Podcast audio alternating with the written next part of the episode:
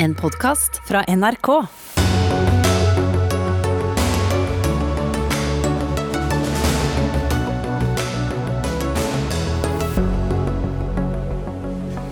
Dropp smittesporing, prioriter heller vaksiner. Klar beskjed fra helsemyndighetene til norske kommuner som sliter etter nok en smitterekord. SV vil spre de flinkeste videregående-elevene i hovedstaden på flere skoler for å unngå for store forskjeller skolene imellom. Høyre er helt imot. MDG vil ha med Arbeiderpartiet på en jobbgaranti for ansatte i oljebransjen, men møtes med kald skulder fra Ap. Og klima- og miljøministeren krever at hurtigladebransjen nå rydder opp i virvaret av apper og betalingsløsninger, og lar folk få betale med kort. Det er gammeldags, svarer bransjen.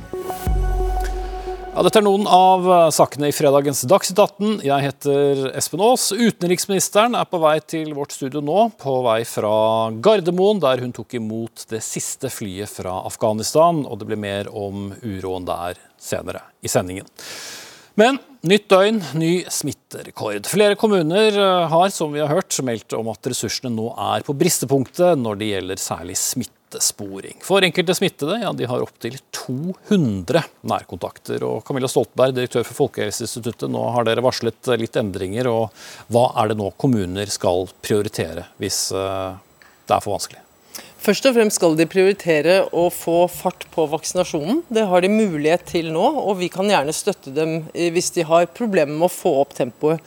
Det er det aller, aller viktigste vi gjør nå. Å takke ja til vaksine til alle, eller alle de som nå fortsatt ikke er vaksinert. Det er en halv million over 18 år som fremdeles ikke er vaksinert. Det er det første. Det andre er at de kan få justere testing og smittesporingsregime, altså TISK-regimet, og da særlig med vekt på det å gjøre om på måten man driver smittesporing på. Overlate det mer til den som mistenker å være smittet eller er smittet, og varsle tidlig til de aller nærmeste. Det er uansett viktig, og det er effektivt. Så det er ikke snakk om å fjerne smittesporing. Vi skal ikke slutte med det. det Men ansvaret er blitt flyttet da fra, fra kommunen til den enkelte? Ansvaret er fortsatt kommunens. Men det er ikke de som utfører det, da? Det er ikke de som utfører like mye som nå. De fleste kommunene vil jo fortsette slik de allerede har jobbet. Men de kommunene som opplever at det ikke er mulig, de kan legge opp til andre måter å gjøre det på. Mange kommuner har allerede tatt initiativ til dette på egen hånd. Nå får de støtte i måten å gjøre det på. Men hvis det da er den enkelte som skal drive egen smittesporing, vi, vi husker jo fra tidligere at det er jo en del som ikke har vært så veldig interessert i opp i uh, nærkontakter. Er det ikke en fare for at vi mister oversikten? Altså Smittesporing er ikke perfekt uansett hvilken tilnærming man har til det. og Hvis man har et overbelastet system som ikke klarer å gjøre det, så fungerer det i hvert fall ikke. Det å overlate det til den enkelte kan faktisk være et veldig effektivt system for å drive smittesporing. Så vil vi jo følge opp og se om dette fungerer eller ikke, og se på hvordan vi kan justere det videre. Selv om det er altså en halv million som ikke er vaksinerte ennå, så er risikogruppene hovedsakelig vaksinert. Også de fleste voksne er, er vaksinert med én eller to doser. Denne fjerde bølgen som vi da vel er på vei inn i, hva skiller den fra en vanlig influensabølge? Altså for det første så er det jo en veldig rask smittespredning. og det er fortsatt slik at det å få koronavirussykdom blant de som ikke er vaksinerte, blant de som er vaksinert, men der vaksinen virker dårlig, blant de som bare er delvis vaksinert, ikke er ferdig med andre dose, det er for en god del farligere enn å få influensa. Og så er det ikke ikke nødvendigvis farligere for de som er yngre, der smitten nå sprer seg først og fremst. Men når veldig mange blir smittet samtidig, så vil det likevel bli en del som kan bli alvorlig syke. Også dette ønsker vi å eh, si, dempe, og ikke få for mange syke på en gang, slik at alle kan håndteres godt i helsetjenesten. Mm. Så, så, selv om de aller fleste nå er på et langt tryggere stadium enn sist vi var inne i en, en smittebølge, så er fortsatt koronaviruset så farlig at vi må behandle det annerledes? Ja, foreløpig så er det det fordi det er så vidt mange som ikke er beskyttet av vaksine fremdeles. Mm. Helseminister Bent Høie fra Høyre. I Danmark varsler de full åpning nå om halvannen uke. Ville du gjort det samme? Eh, hvis vi hadde kommet like langt i vaksineringen som Danmark, så hadde vi òg vært eh, nærmere det tidspunktet, så er Danmark litt foran oss. Eh, men det er jo egentlig det samme som vi har òg sagt fra norske helsemyndigheter. at nå har vi kommet til en situasjon der veldig, eller det store flertallet, og vi sier vi nå at vi har en ambisjon om at 90% over av alle over 18 år skal bli vaksinert, så vil vi jo kunne gå over i en hverdag som er mer normal. Men som, som min kollega i Danmark sier, allikevel med beredskap for å kunne sette inn tiltak hvis det er nødvendig. Og Vi har jo tenkt veldig likt med Danmark gjennom denne pandemien, og det ser ut som vi òg tenker ganske likt nå videre. Mm. Men hvor nær er vi da en tilnærmet uh, normal hverdag? Ja, Det vil eh, egentlig de neste ukene sies litt mer om. fordi nå er det veldig mye vaksiner som er sendt ut til kommunene. Eh, så vi må ha nå litt erfaring på om vi vil, hvor raskt klarer vi å få brukt disse vaksinene, få satt vaksinene. For det vil si noe mer eksakt om eh, tidsplanen. For vi har nå vaksiner nok til at dette kan gjøres i løpet av september. Eh, men vi er jo avhengig av at vaksinene settes, og ikke minst at alle takker ja til vaksine. Og Vi er veldig opptatt nå av eh, spesielt den aldersgruppen mellom 25 og 39. Der ser vi at en mindre andel har takka ja til første dose. Det kan det være gode grunner til. De fikk innkallelse midt i sommerferien, og de har småbarnsforeldre og de har det travelt. Men nå er det tiden å ikke vente, men å vaksinere seg. og Mange kommuner har nå drop-in-tilbud, og det er lett å bli vaksinert. Mm. Så fjernet vi jo meteren på, på universiteter og, og, høyskoler ut fra hvor uh, altså Så lenge de er i hvert fall i, i, i undervisning. Var det klokt, når vi ser hvilken aldersgruppe der smitten brer seg mest? Ja, Vi vil jo evaluere alt når det er over, men vi mente jo at uh, dette var riktig, selv om vi òg sa at det kom til å føre til en økt risiko for, for smitte. Men det er viktig at de, uh, denne aldersgruppa de unge voksne kommer, uh, kom, fikk komme tilbake på studiene på en mest mulig normal måte. Så har vi da latt være å lette på andre ting. Så Vi har jo nå skjøvet den videre gjenåpningen av Norge to ganger. Fordi vi har nettopp prioritert dette. Og så er vi òg urolige over den eh, kraftige veksten i smitten som er nå. Mm.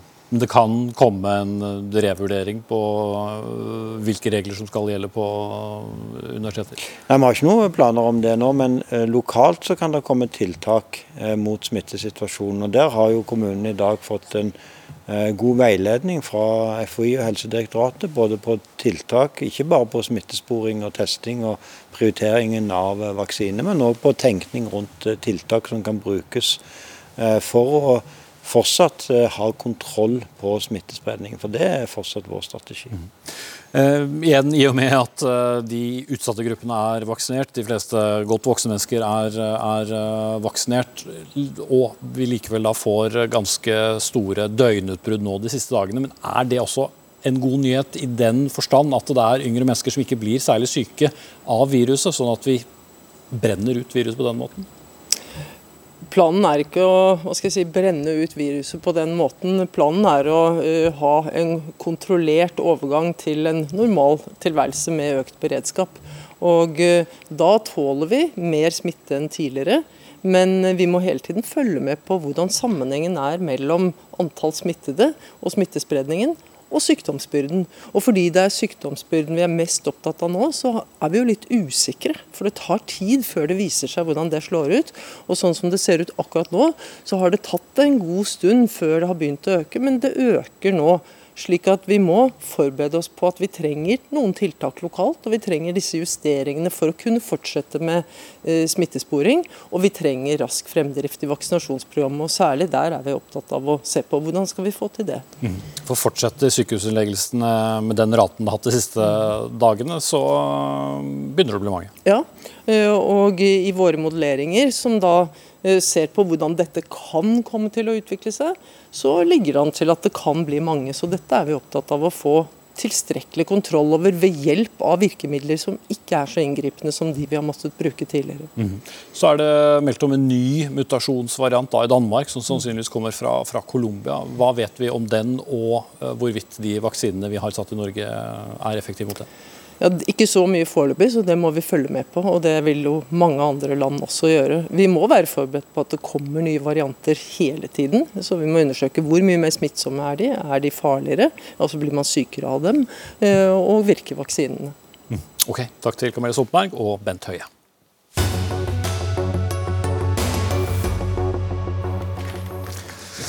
Hvordan unngå å gi taper- og vinnerskolestempel i storbyene, ja det er neste tema i Dagsnytt 18. For Aftenposten i dag kunne vi lese at byrådet i hovedstaden ønsker å fordele elever utover byens videregående skoler fremfor at elevene selv søker seg til de skolene de helst vil gå på, slik som eh, er ordningen i dag. For det er karakter som avgjør hvor du får plass. De mest populære skolene må du ha over fem i snitt karakter for å få plass på i Oslo. De minst populære får ikke engang fylt opp klassene ut fra søkingen. Og Byråd for oppvekst og kunnskap i Oslo, Inge Marte Torkelsen fra, fra SV, dere har ikke konkludert på noen ordning her, men uh, dere mener at dagens ordning ikke fungerer.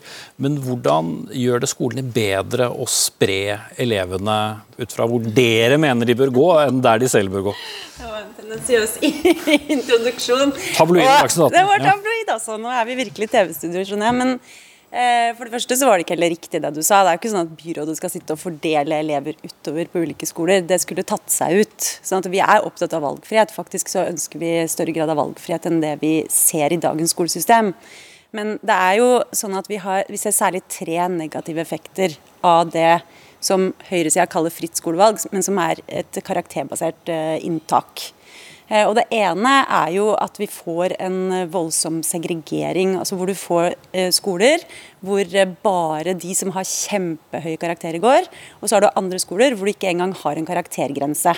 Sånn at man samler liksom de elever da, på ulike skoler, og resultatet blir at det blir veldig forskjellige rammebetingelser for elevene. Eh, og vi ser også at eh, det blir et veldig sterkt karakterpress på elevene.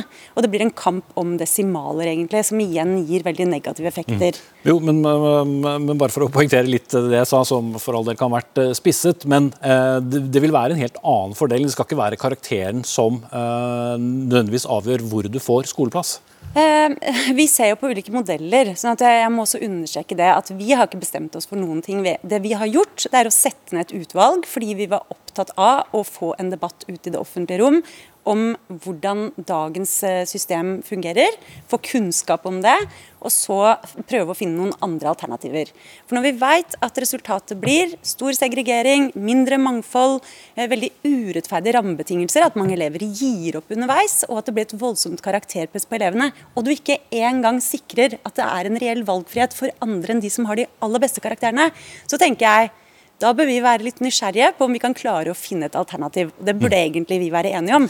Og vi, Det er da Mathilde Tybring-Gjedde fra, fra, Høyre. og Blant uh, tiltak som da foreslås, er f.eks. å la, bare la 50 uh, eh, få ønskene sine oppfylt, og så blir det neste fordelt. Man kan gi ekstrapoeng til folk mm. med, med minoritetsspråk f.eks., sånn som det er eh, på høyere utdanning. Men du var ikke fornøyd egentlig med noen av punktene da jeg ringte deg tidligere i dag, Mathilde Tybring fra Høyre? Nei, altså det SV, Arbeiderpartiet og MDG har gjort i Oslo, er å bruke nå tre år på å utrede hvordan man kan spre elever i ulike kategorier på ulike skoler, i stedet for å gjøre skolene bedre for de elevene som går der, og løse det som er hovedproblemet, nemlig at det er mange elever som går ut av 10. klasse med svake karakterer.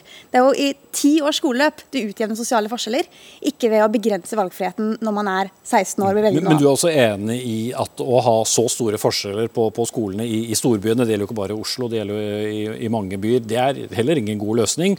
Men det er kanskje eh, resultatet av dagens ordning. Altså, fritt skolevalg er ikke den mest perfekte ordningen, men det er den mest rettferdige av mange urettferdige. Og De tre modellene som byrådet nå ser på, hvis jeg bare kan kort gå gjennom de, den ene modellen vurderer man å gi tilleggspoeng til elever på bakgrunn av etnisitet, at de har minoritetsbakgrunn.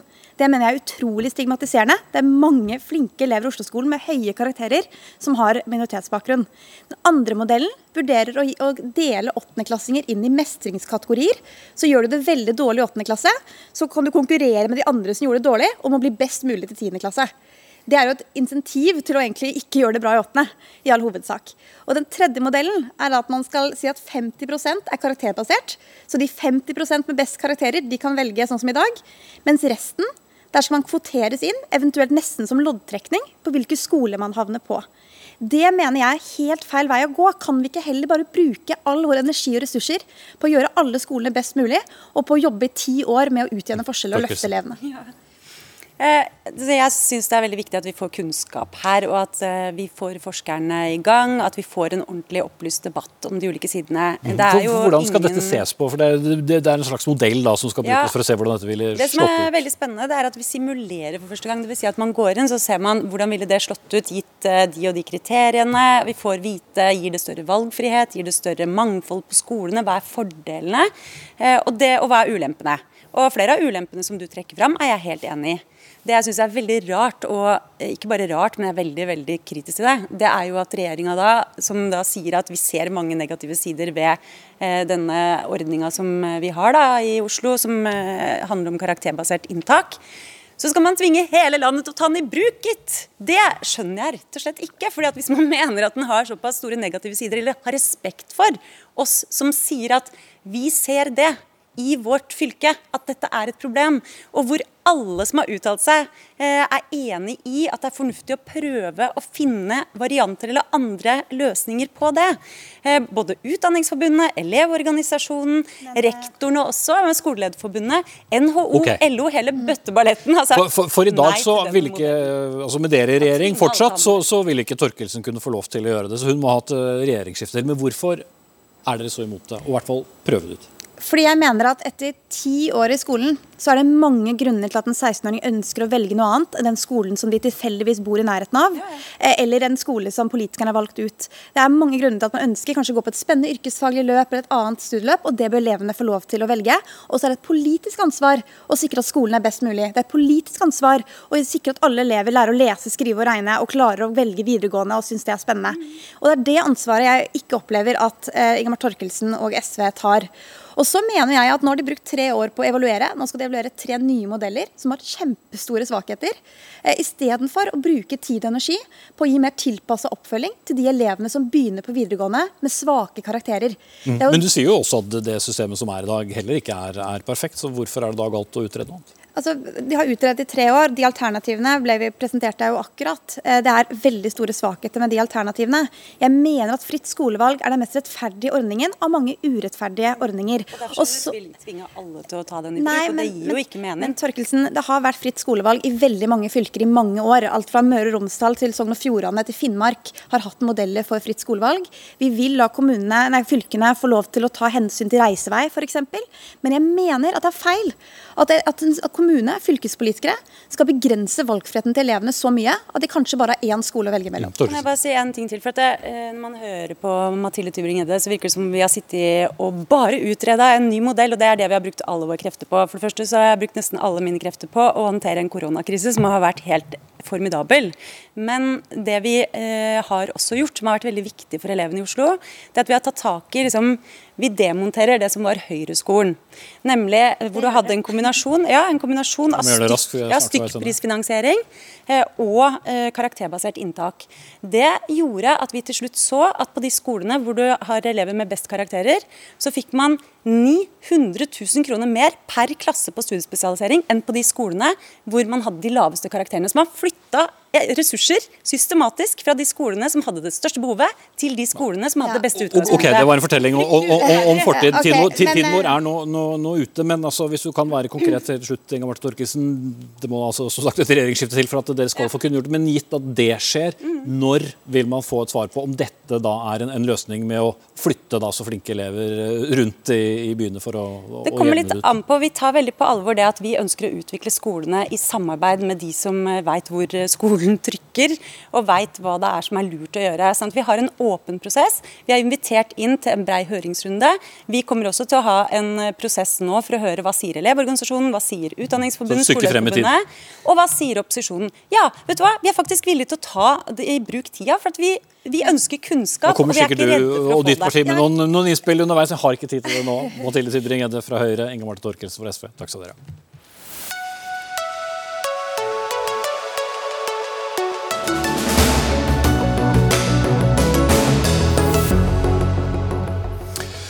For en drøy time siden kom meldingen om at det som så langt er det siste norske flyet fra Afghanistan landet på norsk jord. Og Det skjer dagen etter at uh, i alle fall 170 personer ble drept eh, i terrorangrep i hovedstaden Afghanistan, Kabul.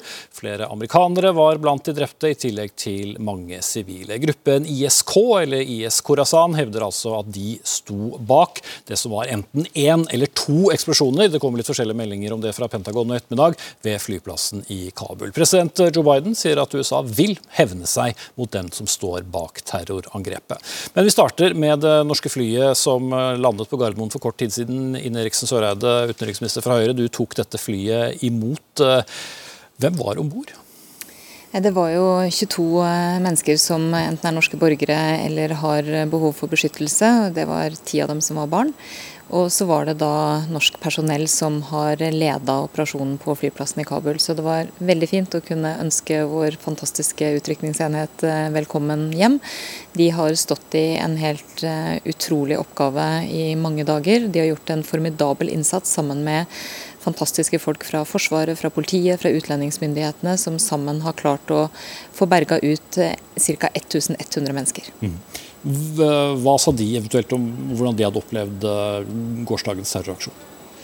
Nei, Det var en veldig veldig dramatisk hendelse, og det viste jo også veldig mye av det dilemmaet vi sto i i går. Da vi måtte gi beskjed til de som eh, nærma seg flyplassen om at eh, det var en terrortrussel som var helt reell.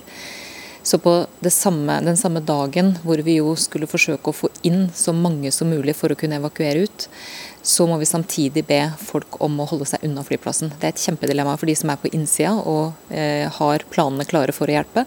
Og det er selvfølgelig et veldig stort dilemma for oss som ønsker å bidra til å hjelpe så mange som mulig. Og Det gjorde jo også at de utrolig flinke folka vi har på publikumstjenesten vår og i operasjonssentralen og overalt, eh, de har jo også tatt imot utrolig mange desperate telefonsamtaler eh, av mennesker som da veldig gjerne ville eh, komme seg til flyplassen, ville kunne evakuere men som vi da ikke kan hjelpe. Var... Hva skjer med dem? Nei, Det er jo flere norske borgere som da har bedt om assistanse, men som vi ikke kunne hjelpe. og Det var vi veldig tydelige på i lang tid, at vi kom ikke til å kunne hjelpe alle. For vi hadde et veldig lite tidsvindu å kunne gjøre Så dette på. Så dette var siste fly? Dette var, nå er evakueringsoperasjonen avslutta, og nå steng, flyplassen er jo stengt for eh, inntak. Og den vil jo i løpet av veldig få dager også stenges eh, helt ned. Og da reiser også amerikanerne og de som har drifta flyplassen nå. Hva skjer med de videre?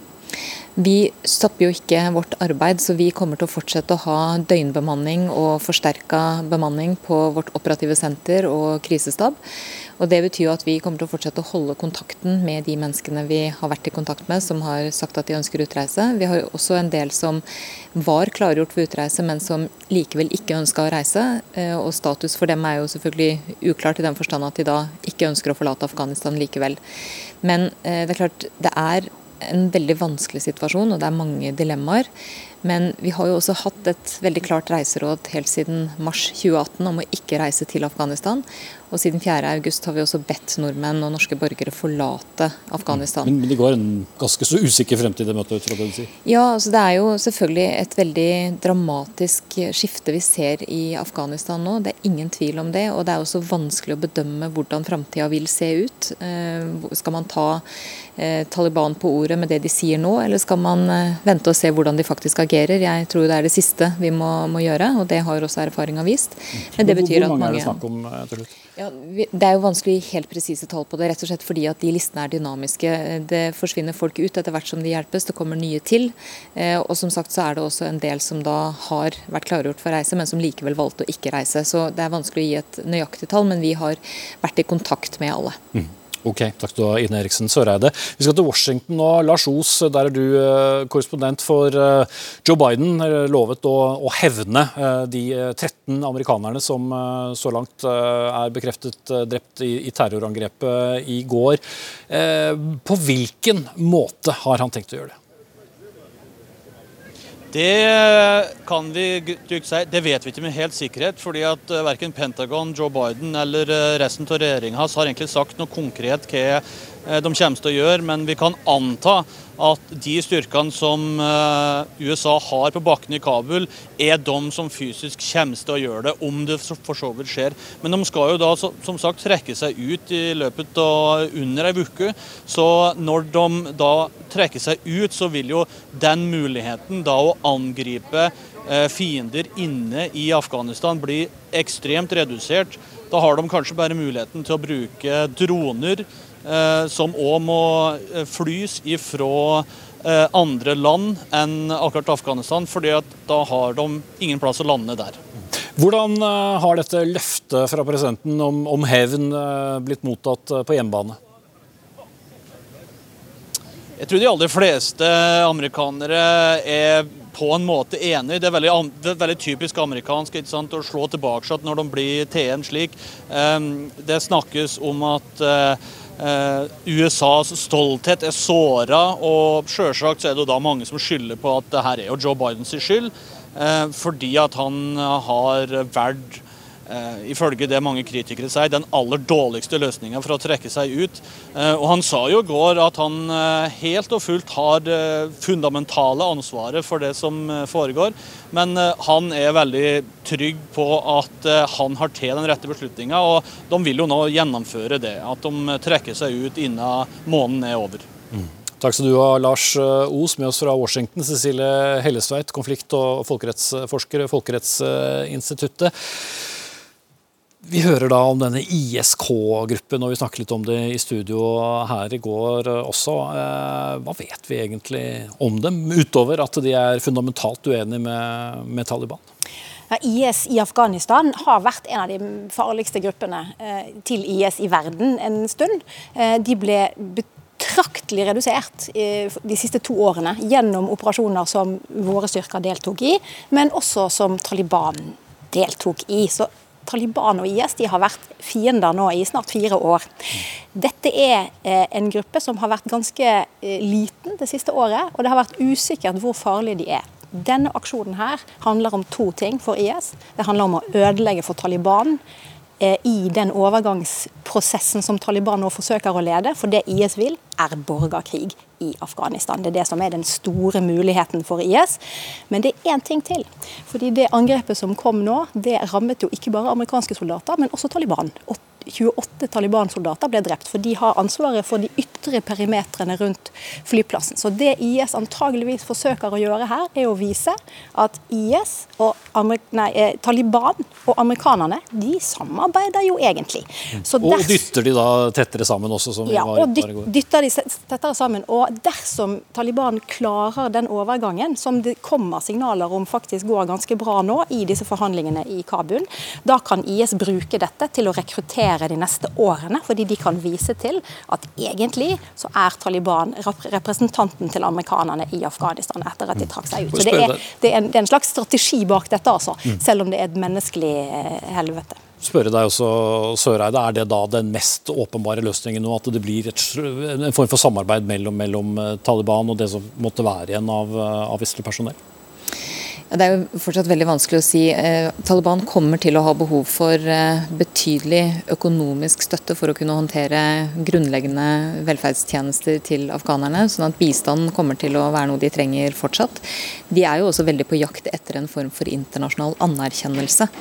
Eh, og begge deler er jo ting som det internasjonale samfunnet må bruke i dialogen med eh, Taliban for å bidra til å sikre det vi har vært opptatt av hele veien, grunnleggende rettigheter eh, for alle, særlig for jenter og kvinner. Men samtidig så er jo den generelle holdninga nå i det internasjonale samfunn, og den deler Norge veldig, at det er jo det Taliban gjør de nærmeste ukene og månedene som kommer til å avgjøre hvordan det internasjonale samfunnet kan forholde seg til dem.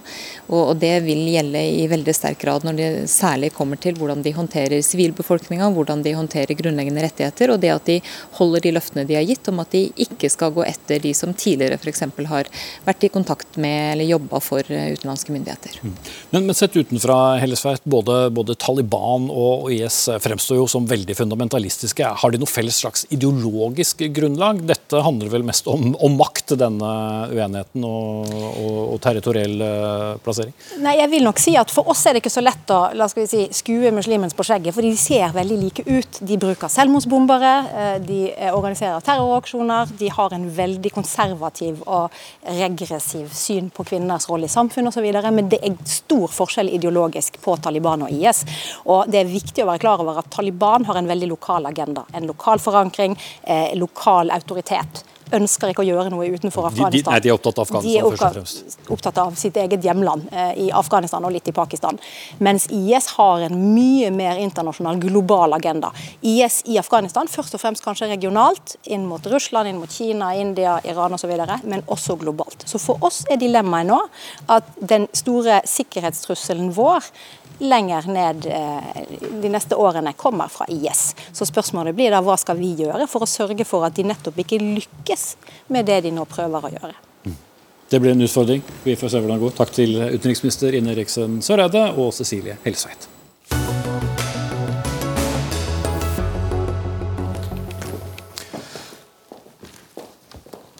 Senere i, uh, senere i sendingen kommer en mann fra regjeringen med en advarende pekefinger til de som driver uh, hurtigladestasjoner. La folk få betale med kort og ikke apper. Men det var en gammeldags måte å løse det på, svarer en av de største aktørene. Men nå. Høyre og SV er kanskje ikke overraskende, rivende uenige om fattigdomsbekjempelse, faktisk. Eh, mens regjeringspartiet ofte vil bekjempe fattigdom utenforskap med å få flere ut i arbeid, vil SV løse mye av det gjennom bedre velferdsordninger. Skjønt jeg får kanskje si fattigdom er det jo ikke noe som heter på offisielt språk. Det heter lav inntekt. 115 000 barn lever i lavinntektsfamilier, altså familier som overlever på lave inntekter i året. Og Kari Elisabeth Kaski, stortingsrepresentant for SV, regjeringen har sviktet når de skal bekjempe fattigdommen. Kanskje ikke den mest overraskende uttalelsen jeg har hørt eh, fra en SV-er, men eh, hvis du skal være veldig konkret, hva er det de ikke har klart å få til på åtte år? Altså, det har jo bare blitt flere og flere unger som vokser opp i fattige familier. Eh, det har vært blitt 31 000 flere unger, det er 115 000 som du, som du sa. Og det eh, er kjempedramatisk. Det betyr at over én av ti unger som vokser opp i dag, vokser opp i familier som, som sliter med å få endene til å møtes. Mm. Men dette har, jo, dette har pågått siden 2001, og da har du selv innrømmet i en avis i dag at det skjedde også på den vakten dere satt på ja. åtte år. Og, og da SV styrte så ble det 15 000 flere unger som vokste opp i fattige familier i løpet av de åtte årene. Nå er det altså 31 000 flere i løpet av de her åtte årene. Så takta har økt, og man har ikke klart å, å, å bekjempe det. Eh, da SV styrte, så fikk barnefamilier med lav inntekt en reallønnsøkning. De hadde økning i kjøpekrafta si. Det har stått stille også nå. Og jeg er veldig bekymra for hva de langsiktige konsekvensene blir. Vi vet at det påvirker de ungene. Eh, det påvirker deres eh, utvikling og deres eh, eh, situasjon, men det påvirker også deres muligheter. Eh, og dette bør være en prioritet for enhver regjering å faktisk klare å gjøre noe med. Mm. Nastar Kapur, stortingsrepresentant fra Høyre og finanspolitisk talsperson. 115 000 uh, lever altså i fattigdom eller lavinntektsfamilier, for å bruke den termen. Det, det sier SSB. Gir ikke da SSB SV rett i historiefortellingen? Ikke historiefortellingen, men tallene er jo selvfølgelig riktige. Men jeg tror det er veldig viktig i en sånn debatt å se på hvem er det vi snakker om. Uh, som jeg ofte pleier å si, at det er jo ikke barn som er fattige, det er jo familien som er fattig. Og de familiene vi snakker om i dette tilfellet, er i, i, i all hovedsak familier med innvandrerbakgrunn, familier med kort botid i Norge, eller barn som har uh, foreldre som har flyttet til Norge eller nylig ankommet. Og Det viktigste vi kan gjøre for disse familiene, det er, det, det er to spor. Det ene er jo litt mer hurtig hurtig, altså det, uten å bruke ordet hurtigspor. Altså det er jo at vi har økt barnetrygden med 8200 kroner for barn under seks år. Økt bostøtten for eh, familier med lav inntekt. Men mange kommuner sier at å ja, du får barnetrygd, da får du ja. lavere andre sosiale ytelser. Så det hjelper ikke alltid. Jo da, men det, det er jo opp til kommunene uh, å gjøre det. Men det viktigste er at vi har lagt til rette for at nå øker vi barnetrygden, øker bostøtten, øker også uh, antall familier som kan få gratis kjernetid i barnehage, SFO osv. Inntekten andre, er fortsatt like lav selv om ja, du får og Det er det som er mitt andre poeng. Det andre som tar litt mer tid, og er i generasjonsperspektiv også, det er å bryte den onde sirkelen, hvis jeg skal få kalle det det. er at Vi må sørge for at foreldrene kommer i jobb. Vi må gå fra å ha nullinntektsfamilier til kanskje éninntektsfamilier og etter hvert toinntektsfamilier. Og Det vi da har gjort, på at vi sørger for at introduksjonsprogrammet får mer yrkesretta opplæring, at vi øker norsk opplæring. Men dette er de menneskene det angår. Det, det, det skjønner jeg, men, men, men, det er noe av problematikken er jo likevel altså det, det regnes ut fra den inntekten familien uh, har.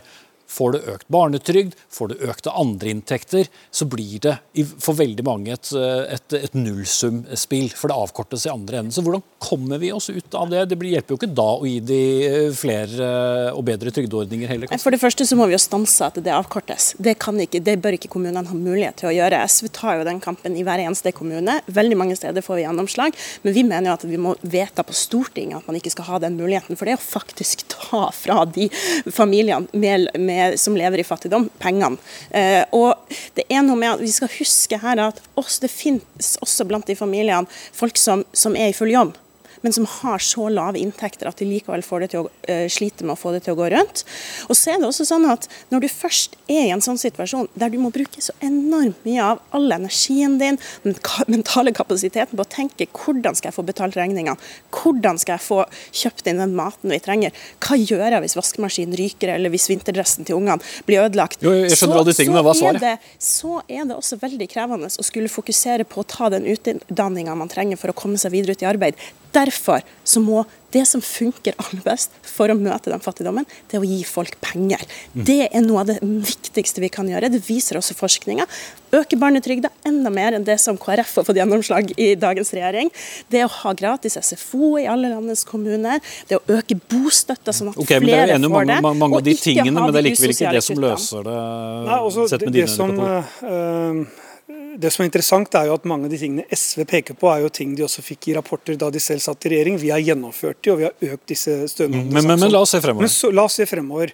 Jeg tror at altså, den, den, viktigste og største forskjellen mellom folk i Norge, som da også påvirker familiens økonomi, er om du står i jobb eller utafor. Det er derfor vi gir mer penger til tiltaksplasser. Det er derfor vi nå gjør om på hele introduksjonsprogrammet. Men mange tjener så lite, sier Kaski, at det hjelper jo ikke om du er i jobb, for du har fortsatt ikke penger til det du ja, men, jo, men, når du da får eh, også hjelp til økt barnetrygd, at vi gir eh, at, eh, et frikort til at barna kan drive med frivillige aktiviteter, at vi gir penger til at du kan dra på ferie, så har det å gjøre med hvilke utgifter familien har. Men det viktigste er og blir at vi må få flere i jobb. Og Der vil jeg gjenta eh, en ting som ofte blir helt utelatt av debatten. Det er at vi har uh, fornyet hele, hele, integreringspolitikken. Veldig mange av de som sliter har nå, har foreldre som bruker for lang tid fra å være flyktning til å bli en skattebetaler i egen bolig. og det er det vi... Ja, Men har det hjulpet? Ja, men det er jo La oss bruke Men Det er bare et ja eller nei-spørsmål. Ja, men Jeg har et eksempel på det. Hvorfor, ja, Det er alltid eksempler, men er det ikke bare et ja eller nei? Nei, det er ikke bare et ja eller nei, for vi trenger tid. Hvis vi ser på norskpakistanere ja, Så har det ikke hjulpet på kort sikt? da, Det er vel det som er Det har hjulpet på kort sikt, men hvis vi skal få brutt med den spiralen, så vil jeg bruke dette eksempelet. De første norskpakistanerne kom til Norge på 70-tallet. På én generasjon så har man gjort en fantastisk reise. Og Grunnen til at man har gjort det, er nettopp fordi at vi har fått barna gjennom utdanningsløpet og foreldrene i arbeid. Mm. Og det er det som kommer til å Og så er det mange andre innvandringsgrupper som ikke har den samme historien. Alle er for at folk skal være i arbeid og få muligheten til det. Det må vi gjøre. Men det er både et veldig langsiktig arbeid, og denne problemstillinga er mer kompleks. Både fordi at mange av de er i arbeid i dag, men får for lavt betalt og er fortsatt da fattig. I, tillegg så ser vi at mange av de som er i de her barnefamiliene som er fattige i dag, er barn av innvandrere til Norge. Så man har ikke klart å bryte den. Man har hatt for dårlig integrering, hvis det er det som er utgangspunktet. Eh, og uansett, hvis du øker barnetrygda, hvis du har gratis SFO, du har den type universelle, ubyråkratiske ordninger, så får man den, de, pengene i tillegg til arbeid. Så det går ikke på bekostning av å få folk i arbeid, sånn som kontantstøtta gjør, som dagens regjering har. Det holder folk utafor arbeidslivet. Barnetrygda gjør ikke det. Og det å sørge for at de får pengene, sånn at de slipper å bekymre seg for nettopp om de kan kjøpe ny vinterdress til ungen, er kjempeviktig. Men, men bare til slutt, altså den statistikken med 115 000, for dere begge peker på ting som fritidskort, eh, gratis SFO. Er statistikken også da helt riktig? For den måler jo kun inntekten inn til familien, ikke ikke ordninger som gjør at de bruker mindre penger? Ja, men Det som er viktig her, er jo at man ikke først og fremst legger inn virkemidler mot å gjøre det liksom lettere å være fattig. Vi må bekjempe fattigdom, og derfor så må vi øke inntektene deres. Det er helt avgjørende. Men blir de ikke da sittende fast fordi det blir vanskelig å komme ut i jobb? Fordi Nei, får mer fordi at vi skal øke de inntektene som ikke, eh, som ikke går på bekostning av det å jobbe, som kommer i tillegg til det. Kontantstøtta holder jo folk utenfor arbeidsliv. Barnetrygda gjør ikke det. Men Og det så er ikke så mange som har kontantstøtte Og så legge kjapt til at regjeringa har også aktivt bidra til at flere blir fattige gjennom de kuttene som har vært i barnetillegget til uføretrygda, i arbeidsavklaringspenger, og, okay, nå. som Kapur, også kort til slutt. Nå blir det høytopplesende hele SVs valgkampbrosjyre. Poenget er at Høyre jeg har ikke lyst til å stå og krangle om uh, tallene fra SSB. Jeg tror det som er viktig er å se på hva vi gjør for disse barna. Og hvis vi skal gjøre noe for disse barna, så må vi sørge for at de fullfører skoleløpet og at deres foreldre kommer i jobb. Og Den delen av debatten om ulikhet det er det nesten første gang jeg har med SV i dag. fordi så langt i valgkampen så har ulikhetsdebatten okay. men, men, men, men, men er som vi pleier å si når vi hører argumenter eh, på nytt, er at vi er veis ende. Mudassar Kapur og Kari Elisabeth Kaski. Takk skal dere ha.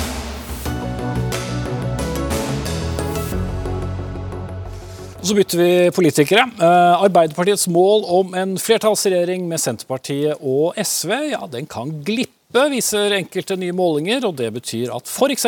Miljøpartiet De Grønne kan være et parti som havner på vippen, og i så fall vil sikre dette trekløveret flertall på Stortinget, ikke minst når det handler om budsjett.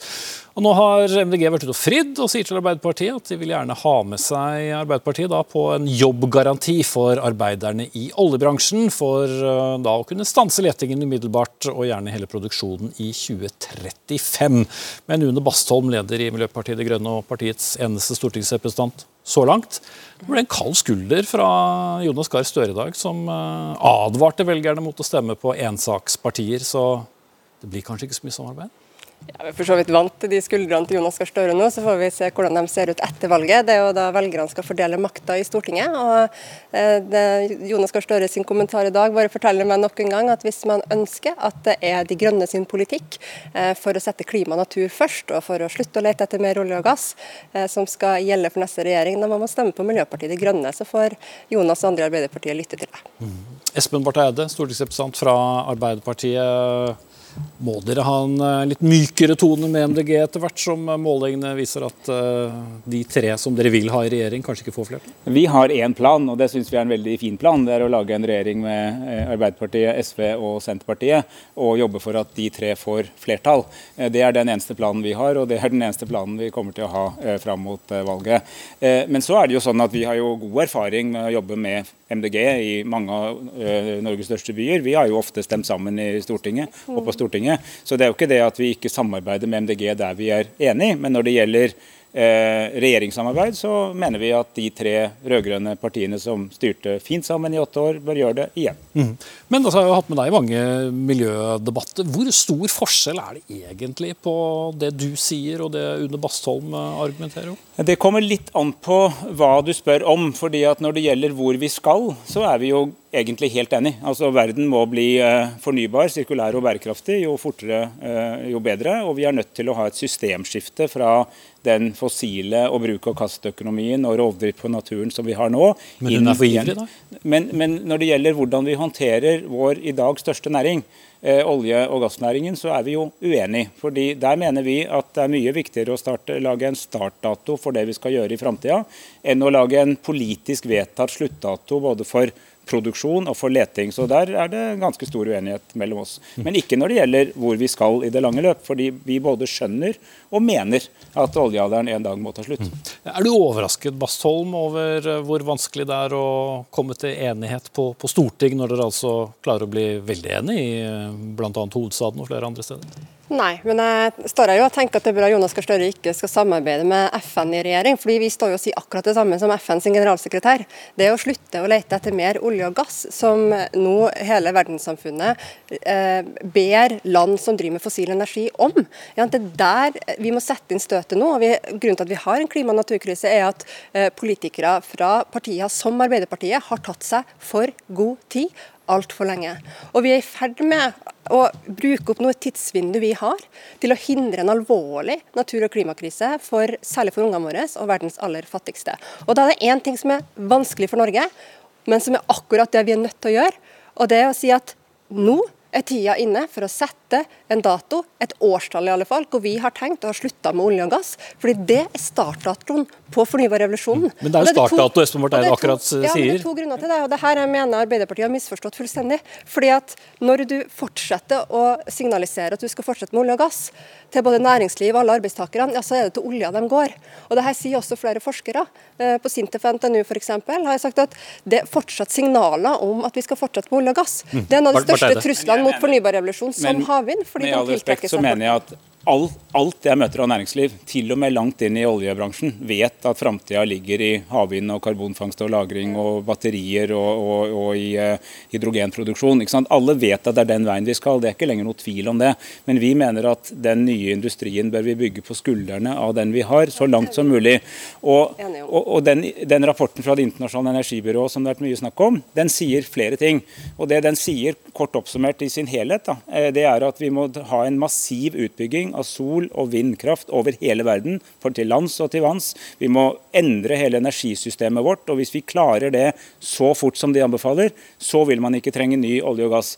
Men dere og flere har da kastet over den siste delen av det resonnementet, men det er et resonnement til, nemlig en veldig veldig stor utbygging av fornybar energi. og Det er vi faktisk for. Men det er det jo ikke alltid sånn. Dere er jo ikke for elektrifisering av sokkelen. Det, Jo, er anbe det. det anbefaler er altså ikke den ja, fra Ikke hvis det forlenger eh, levetiden til olje- og Hvis vi må leve med mer utvinning på sokkelen, så er vi for at den skjer med nullutslippsløsninger. Eh, problemet er at for at vi skal få satt fart nå på fornybarrevolusjonen, så er vi nødt til å være tydelige som politikere på hvor Norge skal gå videre. Ikke sant? Jeg er klar over at det er mange av de samme selskapene som i dag investerer i olje og gass, som kommer til å investere i fornybart, men vi forteller dem jo da nå at dere skal fortsette å, eh, investere i olje og gass, så lenge dere syns det er greit. Og Det eh, er jo å be om en markedsstyrt krasjlanding for oljenæringa. Og da er det ikke toppene og sjefene i oljeselskapene det går utover plutselig for et oljeprisfall f.eks. Det er jo gutta på gulvet. Så det er å be om arbeidsledighet, en plutselig arbeidsledighet, som jeg mener er utrolig uansvarlig. Og særlig fra et parti som Arbeiderpartiet, som jo går til valg nettopp for arbeidsfolk. Og så det- tenker jeg, okay, men hva med arbeidsfolk som gjerne vil ha LO og er Fellesforbundet. Sårbare Men dette er en viktig problemstilling. fordi at Hvis noen sa til våre arbeidsfolk at oljealderen varer inn i evigheten, så er det ikke sant. Det gjør den ikke. Det, det kommer til å gå ned. Eh, EU, USA, alle ledende industriland skal nå avkarbonisere. og Vi er i ferd med å bli enige om at vi skal styre mot 1,5 grader, ikke 2 grader oppvarming. Da er det mye mindre plass til olje og gass. Det er helt riktig, det må vi være ærlige på. Men samtidig mener jeg det at vi skal sitte og politisk vedta bort noen arbeidsplasser, er ikke spesielt smart. Det er veldig mye smartere å egentlig som vi sier da, lage en startdato, komme tidlig i gang med det de skal gjøre etterpå, og sørge for at det er nettopp de bedriftene, de arbeidsfolka, den kompetansen vi nå har, som bygger broen inn i eh, fornybarsamfunnet og det samfunnet vi kommer til å ha i framtida. Danmark har akkurat gjort det her. De har satt, vedtatt en sluttdato. De har vedtatt å slutte umiddelbart med å lete etter mer olje og gass. Men litt Det er forskjell på Danmark og. Norge, Ja, I volum på vår, eh, vår økonomi knytta til olje og gass, ja, stor forskjell. Eh, Men det forteller jo nettopp at det er derfor det er vanskelig for oss. Det er fordi vi føler oss veldig avhengige av olje og gassen. Det er jo ikke fordi det er bedre, Vi er vel det òg. det er ikke fordi det er bedre for verden at vi eh, fortsetter med olje og gass. Jeg, jeg, jeg, må, jeg må egentlig runde dere av, men jeg vil bare svare på et spørsmål. Espen Barth Eide, hvis, og, jeg, og jeg vet hva den foretrukne løsningen er, men hvis dere tre partiene ikke får flertall, og både Rødt og, og MDG kommer inn med, med større grupper enn i dag, vil du heller lene deg på Rødts politikk enn MDGs? Altså, Vi har en plan, og den planen syns vi er veldig bra. Den kommer vi til å stå på til valget. Når valget er over, så vet vi jo hvordan det gikk. og da ser vi på hvordan dette... Det jeg kan si er at det er jo en rekke områder hvor vi eh, uten, ved siden av det vi snakker om nå, altså i andre felt hvor vi veldig ofte har stemt sammen med MDG. og Vi har ofte stemt, mye oftere stemt sammen med MDG enn med Rødt i, i Stortinget på andre spørsmål. Men det er altså noen store og viktige spørsmål som gjør at vi mener at uh, regjeringssamarbeid ikke er aktuelt. og Det kommer vi til å mene fram til valget.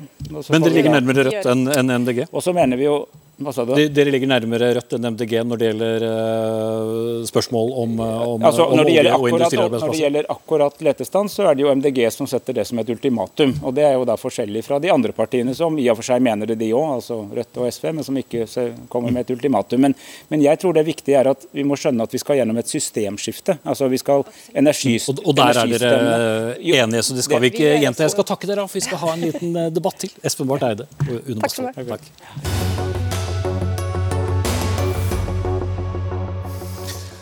For eh, etter eh, norgessommeren så er det noen som eh, har lært et og annet om å lade elbil. Og det er at skal du hurtiglade, så kan det være ganske så utfordrende i jungelen av apper. Og mange har, har klaget, og i dag har vår klimaminister sagt at nå må bransjen skjerpe seg og også tilby muligheten til å betale med kort. Men eh, Odd Olaf Askeland, divisjonsdirektør i, BKK, dere er tredje største leverandør. Dere syns ikke det var noen fremoverlent eh, løsning, hørte jeg i radioen i dag? Ja. Vi har jobbet veldig lenge med det å lage en god kundeopplevelse for disse kundene. Sånn, hvordan kommer man på en ladestasjon, hva trenger man å vite, hvor finnes disse, hvor raskt kan de lade, eh, kvitteringer når, når du har gjort ladingen din. Eh, kontroll underveis, et taksameter som tikker, sånn at du ser hvor mye dette har kostet. Sant? Og en sånn eh, fyllingsgrad. Så Vi har en kurve som viser hvordan bilen fylles, og hvor kjapt denne, denne bilen lader. Så vi har, vi har, jobbet veldig mye med den kundeopplevelsen og lage dette inn i denne, i denne appen. Men, men kundeopplevelse, de fleste er vel bare opptatt av å få betalt og reise videre? Folk er jo opptatt av at de får en god og rask eh, opplevelse av denne ladesesjonen sin. sånn, sånn at hvis du har en bil som kan lade raskt, så vil du gjerne vite det, hvor, hvor finnes de raske laderne. Hvis du, har, hvis du, er litt redd for kø, så vil du gjerne vite hvor er det mange ladere. Men, men, selve betalingen er jo egentlig det vi ja, sånn, så, så, så, har man gått ned og sagt det, ok, så, så vi, vi, vi, tror vi har lagd en, en, god løsning. sånn at De fleste andre aktørene har også hevet seg på eh, tilsvarende løsninger med å lage disse her appene. Og så eh, er det selvfølgelig kanskje litt uheldig at det er mange apper og vi er i en start men samtidig så er det det som er konkurransen. Så når vi lager disse ladekurvene, så er vi i konkurranse. Så har vi lagd noe som de andre ikke har laget.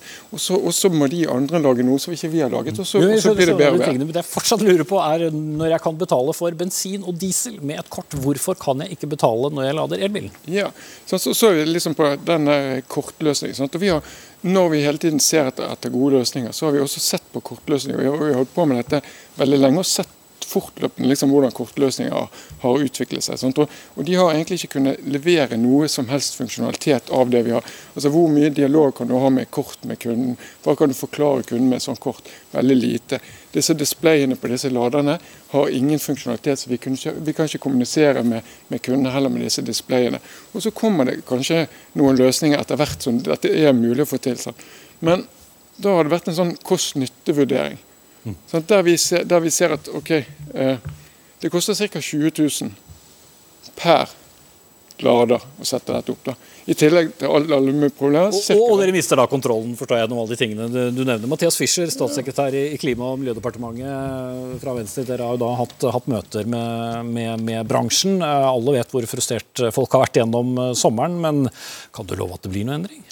Nei, altså Vi kan ikke love at vi skal gå inn og regulere dette nå og stille sånne krav. Nå har vi heldigvis fått opp enormt mange hurtigladestasjoner i Norge. Det har vært en eksplosiv vekst der de siste årene, fordi vi har valgt å gjøre det lønnsomt for folk å velge miljøvennlig. Det som også er viktig for Venstre, er at det skal være enkelt for folk å velge miljøvennlig. Det skal være enkelt for folk å leve klimavennlige liv. Hva er det det når det gjelder å hurtiglade? På mange måter så er elbil faktisk mye enklere for folk enn alternativet. fordi at nå har folk en boks i garasjen eller på husveggen som gjør at de kan lade hjemme og slipper å dra på en bensinstasjon. Hvis de har garasje eller hus, ja. ja. Eh, sånn at For mange er jo det faktisk enklere å ha en elbil, og det er en veldig stor fordel. Og Mange setter nok også stor pris på funksjonaliteten i apper. Du kan se hvor eh, neste fyllestasjon er. Det er likevel ikke bra nok, uh, forstår jeg da, siden Nei, altså det, møte. Ja, vi har, grunnen til at vi kalte inn uh, bransjen i dag, det var jo fordi at vi har pga. den sommeren nå, hvor mange som tidligere bare har brukt elbil til å kjøre til og fra jobb, har dratt på lange reiser og blitt eh, utfordret med hurtigladestasjoner på en måte de ikke har vært eh, tidligere. Og eh, la, liksom, Mylder av apper er en utfordring, at du ikke kan betale med kort er en utfordring. Defekte ladere er en utfordring. Køer er en utfordring. Organisering av køer er en utfordring. Det er mye informasjon. Eh, skilting eller, mm. mange, mange utfordringer. Ja, det, noen av disse tingene kan vi løse politisk. Vi skal jobbe for f.eks. bedre skilting, så det er lettere å mm. eh, se men, men hvor Men betalingsspørsmålet? Jeg tror ikke at det er hensiktsmessig nå å gå inn og kreve det. for Nå har heldigvis disse eh, ladestasjonene kommet opp. Men vi må nok se fremover på eh, hvordan disse regelverket skal utvikle seg. Men først og fremst er jeg jo veldig glad for at når vi kaller inn til et sånt møte, så jeg husker ikke hvor mange som var i det rommet engang. Det er veldig mange aktører i dette markedet. Det er det som skaper forvirringen, men det er også det som skaper utviklingen. Det er også det som skaper den konkurransen som gjør at vi får den, eh, så mange ladere som vi faktisk har fått på norske veier. Kristina Bu, generalsekretær Norsk eh, Elbilforening må jo også slå fast at eh, de som har elbil, eh, fyller jo ikke på samme måte som det man gjorde før med, med bensin og diesel. De er jo opptatt av, ladekurver og eh, effekt og alle disse tingene. Men dere vet også at nettopp dette mylderet av, av apper ikke er særlig populært. Nei, altså elbilistene er ikke fornøyd med løsningen som finnes i dag i det hele tatt. Tre av fire sier at det er for komplisert. Vi har jobbet med en bedre ladeinfrastruktur sammen med bransjen på vegne av forbrukerne i mange år nå. Vi har vært ekstremt tålmodige. Elbilistene har vært tålmodige, men nå er vi litt lei. Derfor vi løfta vi denne debatten i sommer og sa nok er nok. Nå må vi gjøre noe med dette mylderet. Og folk ønsker kort. Man kan gå eh, altså parker i Oslo kan du gå på offentlige toaletter og betale med kort, men du kan ikke betale med kort på en hurtigladestasjon. Eh, det er altfor, altfor vanskelig. Vi har eldre elbilister som ringer oss og er helt fortvila. De har ikke en smarttelefon engang. Disse appene, Folk vil, er ikke så veldig opptatt av apper, de vil bare betale. Det skal være enkelt og greit. Og det mener jeg at en, bransjen burde se, de burde jo levere det kundene vil ha. Og to, norske myndigheter må ikke være altfor tilbakelente. Vi ga opp For du opplever at de er det? Vi har gitt opp å få uh, den norske regjeringen og, norske myndigheter til å ta tak i dette tidligere. Vi har henvendt oss til EU de siste tre åra, og nå har EU sendt ut på høring at fra 2027 med tilbakevirkende kraft vil det bli krav til kortbetaling. Så det må jo komme på et eller annet tidspunkt. Men jeg syns jo det hadde vært fint hvis dette ble rydda opp i så fort mm. som mulig. Norge er et uh, foregangsland. Vi har allerede 400 000 elbilister på veiene. Vi skal ha nærmere en million om fire år. Mm. Dette må men, løses. Men Aska, dere vil jo først og fremst at folk skal, skal uh, lade hos dere. Hvorfor ikke da gjøre det enklest mulig? Ja, uh, Selv om jeg skjønner det koster å betale kortterminaler? Og, ja, altså, Ta det med kost først. da. Hvis du sier 20 000, og så har Elbilforeningen sagt vi må ha ca. 10, 10 000 ladere og så sier det koster 20 000 hver. Da. Så er spørsmålet ok, eh, det er 200 millioner. da. Så skal vi bruke 200 millioner kroner på at vi ikke kan bruke disse appene, men at vi skal ha kortterminaler på alle disse. Så 200 millioner, da får du 400 lynladere.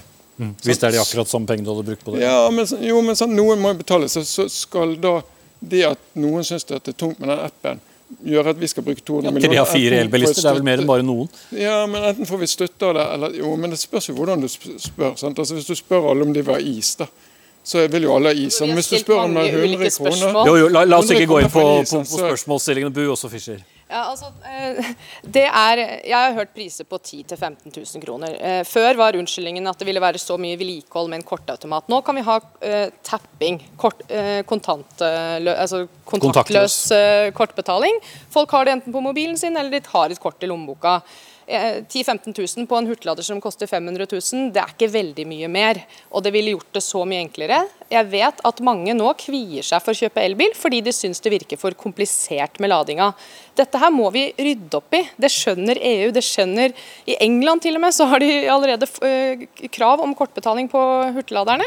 Så dette her eh, bør vi få på plass. Men jeg forstår jo at bransjen ønsker å være minimonopolister og eie kunden. Vi har ti forskjellige selskaper som tilbyr lading i dag. Det er en jungel, og det er for vanskelig. Og, og I motsetning til bensinstasjonene som uh, tilbyr bensin, så er det jo da egne tilbydere leverandører av, strøm på f.eks. en del eh, bensinstasjoner. Men Fischer, kan, kan vi få ryddet opp? Ja, altså jeg opplever jo at På veldig mange av de områdene som jeg nevnte, så er det veldig stor forståelse i, i bransjen for at man faktisk må forbedre det. Så er det veldig stor motvilje mot å gjøre akkurat det som vi er opptatt av her, nemlig hvordan kan du gjøre betalingen enklere. Fordi at man har brukt mye krefter på å utvikle de appene, som for mange fungerer bra, men som for mange ikke gjør det. Så sånn at det er klart at Den utfordringen eh, bør bli løst. Og så tror jeg vi skal ta et skritt tilbake og huske at Norge er foregangslandet på elbil. Vi har hatt en vekst som ingen andre land har hatt. Vi har fått eh, bygget opp, og vi har så mange aktører som jobber for å utvikle dette. Da høster vi også noen erfaringer med eh, hvordan bygge et ladenett i Norge, som man ikke har gjort i andre land. Det Men så sakker vi akterut på betalingen, da, som du sier? Ja, altså Det er noe av det som jeg mener at her bør bransjen ta grep og gjøre det mer eh, enklere for folk eh, å eh, kjøpe og ta i bruk elbil i hverdagen. Det er helt klart at det er en utfordring som mange står i. så Det bør de ta eh, grep på. Enten med å legge til rette for hurtiglader eller få et bedre samarbeid om appene. Den type grep som gjør at det er enklere for folk i hverdagen å velge miljøvennlig. Mm. App, app, app, får jeg si, for tiden vår er, eh, er faktisk ute. Mathias eh, Fischer, eh, statssekretær i Klima- og miljødepartementet, Kristina Bu fra Elbilforeningen og Odd Ole Askeland fra BKK, som er en av tilbyderne. Dagsnytt 18 denne uken er ved veis ende.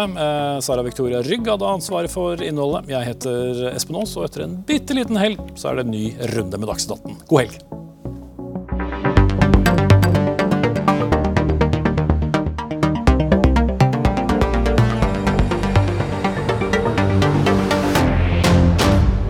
Du har hørt en podkast fra NRK.